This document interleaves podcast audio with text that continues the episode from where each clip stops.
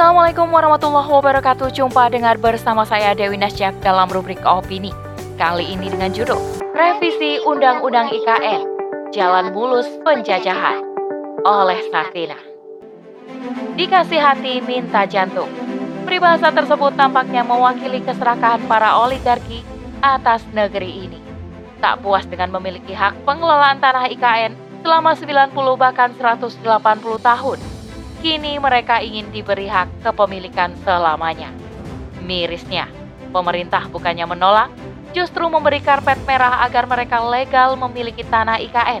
Satu-satunya jalan instan merealisasikan keinginan para oligarki adalah dengan mengubah undang-undang. Lantas, apa alasan Presiden Joko Widodo merevisi UU IKN yang bahkan belum berjalan setahun?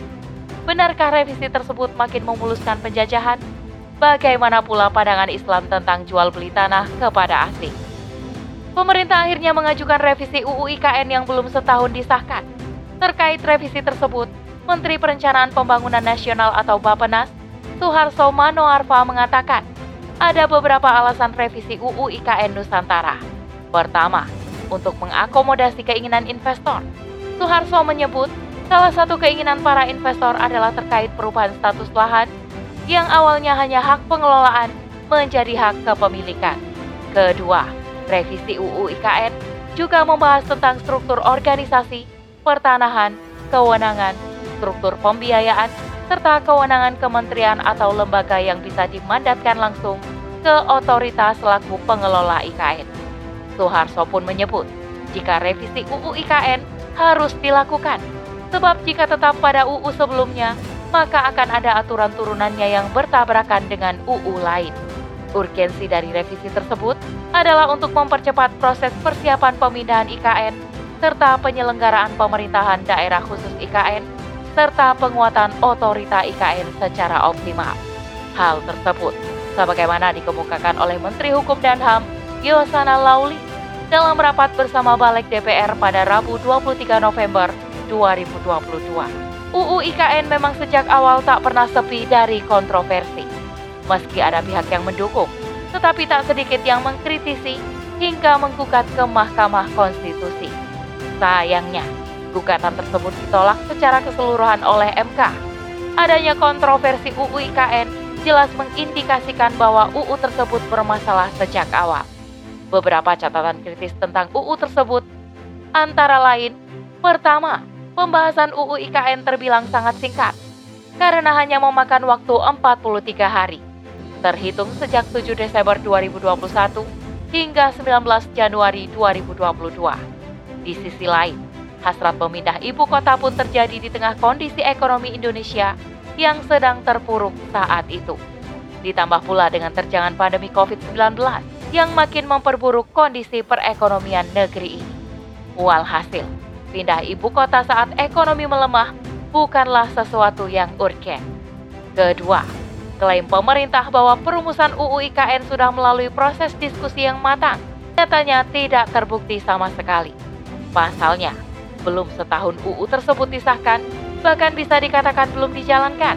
Pemerintah kembali mengajukan revisi kepada DPR.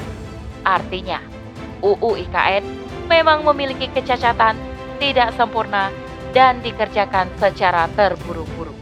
Hal ini sekaligus menegaskan bahwa pemerintah tidak profesional dalam menyiapkan undang-undang IKN. Ketiga, Indonesia baru saja pulih dari pandemi dan menghadapi ancaman resesi tahun depan.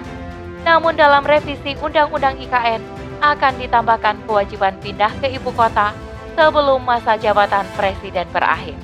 Hal ini tentu saja mengoyak kewarasan publik. Bagaimana mungkin Presiden yang sudah bolak-balik mengingatkan ancaman resesi, tetapi pada saat yang sama mengebut proses perpindahan ibu kota. Revisi pun makin menjelaskan bahwa pemerintah dan DPR hanya sibuk mengurus kepentingannya sendiri. Tak bisa dimungkiri, problem utama di pemerintahan saat ini adalah mudahnya para penguasa dan pejabat berbuat semau sendiri. Usulan revisi Undang-Undang IKN menunjukkan bahwa pemerintah sangat ugal-ugalan dalam menjalankan negara. Lebih menyedihkan lagi, DPR yang seharusnya menjadi pembela rakyat justru menjadi alat stempel bagi rezim. DPR terus mengaminkan apa pun yang menjadi keinginan penguasa, seperti halnya persetujuan DPR terhadap revisi Undang-Undang IKN ini. Jika dikaji secara mendalam, revisi tersebut hanyalah alat bagi rezim untuk menyempurnakan Undang-Undang IKN yang sudah ada saat ini. Hal ini tentu menjadi presiden buruk karena bisa mengacaukan tata kelola peraturan perundang-undangan yang ada. Siapa pun yang memiliki nalar akan berpikir satu hal, bagaimana mungkin sebuah produk undang-undang yang tertinggi begitu mudahnya direvisi dan diubah kapan saja. Berikutnya, tak ada asap jika tak ada api. Revisi undang-undang tersebut disinyalir terjadi setelah ada proses tawar-menawar antara oligarki dan pemerintah. Hal ini tidaklah mengherankan. Pasalnya, para investor jelas tak mau rugi jika akan menginvestasikan uangnya ke IKN.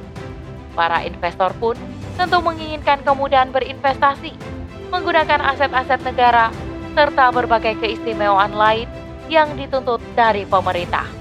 Dengan kata lain, investor ingin memiliki jaminan keamanan atas investasinya. Jadilah revisi tersebut sebagai bantalan untuk mengamankan aset-aset para investor. Padahal, memberikan konsesi IKN terhadap swasta sangatlah berbahaya bagi kedaulatan negeri ini. Lebih dari itu, keinginan para investor untuk memiliki tanah-tanah IKN sepenuhnya adalah bentuk perampokan dan penjajahan. Bagaimana mungkin negara akan mampu mengatur sistem pertahanan dan keamanan jika para investor turut serta bergabung?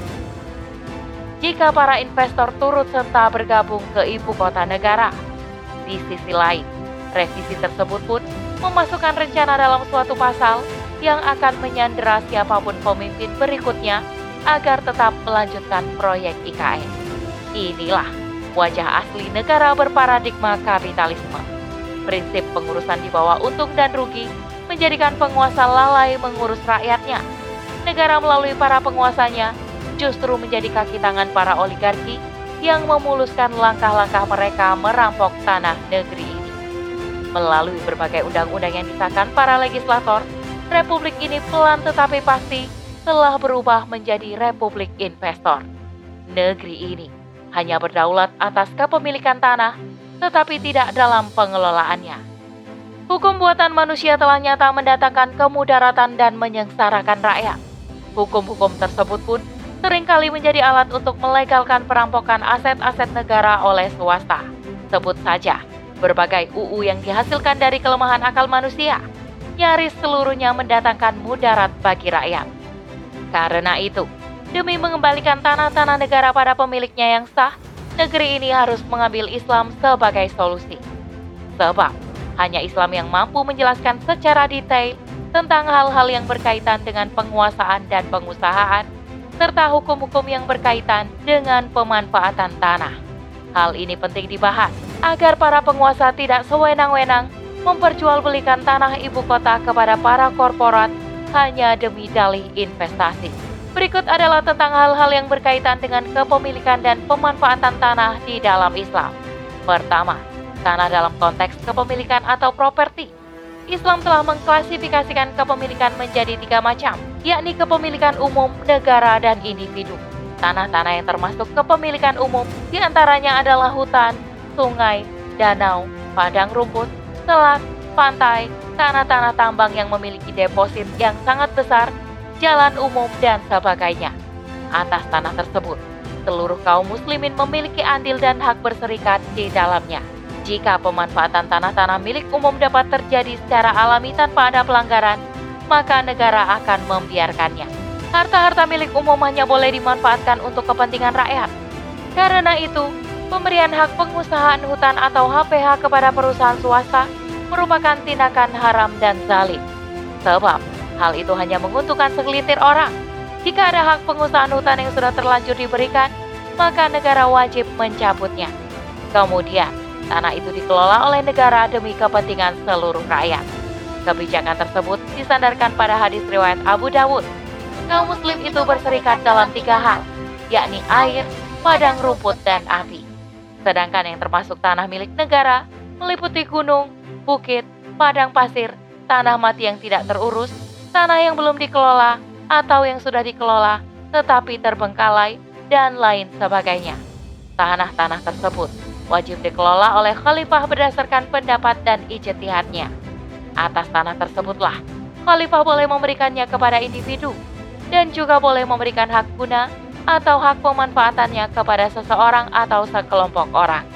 Adapun yang terkait tanah-tanah milik individu, maka negara akan memberikan proteksi kepada setiap individu yang memiliki tanah-tanah tersebut, yakni dengan menerbitkan sertifikat kepemilikan tanah. Hal itu dilakukan agar memudahkan pemilik tanah memanfaatkan lahannya dan melindungi dari para perampas. Berdasarkan klasifikasi kepemilikan tanah tersebut, maka negara asing dilarang secara mutlak untuk menguasai tanah milik kaum muslim. Pasalnya, penguasaan tanah kaum muslim oleh swasta maupun asing sama artinya dengan memberikan jalan kepada mereka untuk menguasai dan menjajah negeri kaum muslim. Sebagaimana termaktub dalam kalam Allah SWT Surah An-Nisa ayat 141. Allah tidak akan memberi jalan kepada orang kafir untuk mengalahkan orang-orang beriman. Negara pun tidak boleh memberi kesempatan kepada orang-orang asing untuk menguasai tanah milik kaum muslim, baik secara langsung maupun tidak langsung. Demikian pula, negara tidak boleh menjual zat tanah maupun manfaatnya kepada asing, baik atas nama individu, perusahaan maupun negara asing. Bahkan, di dalam fikih dijelaskan bahwa orang asing yang masuk ke dalam daulah Islam tanpa izin dan jaminan keamanan, maka harta bendanya berhak dirampas. Sementara, negara tidak menjamin keselamatan jiwa mereka. Jika orang asing masuk tanpa izin dan jaminan saja terlarang, apalagi menguasai tanah kaum muslim.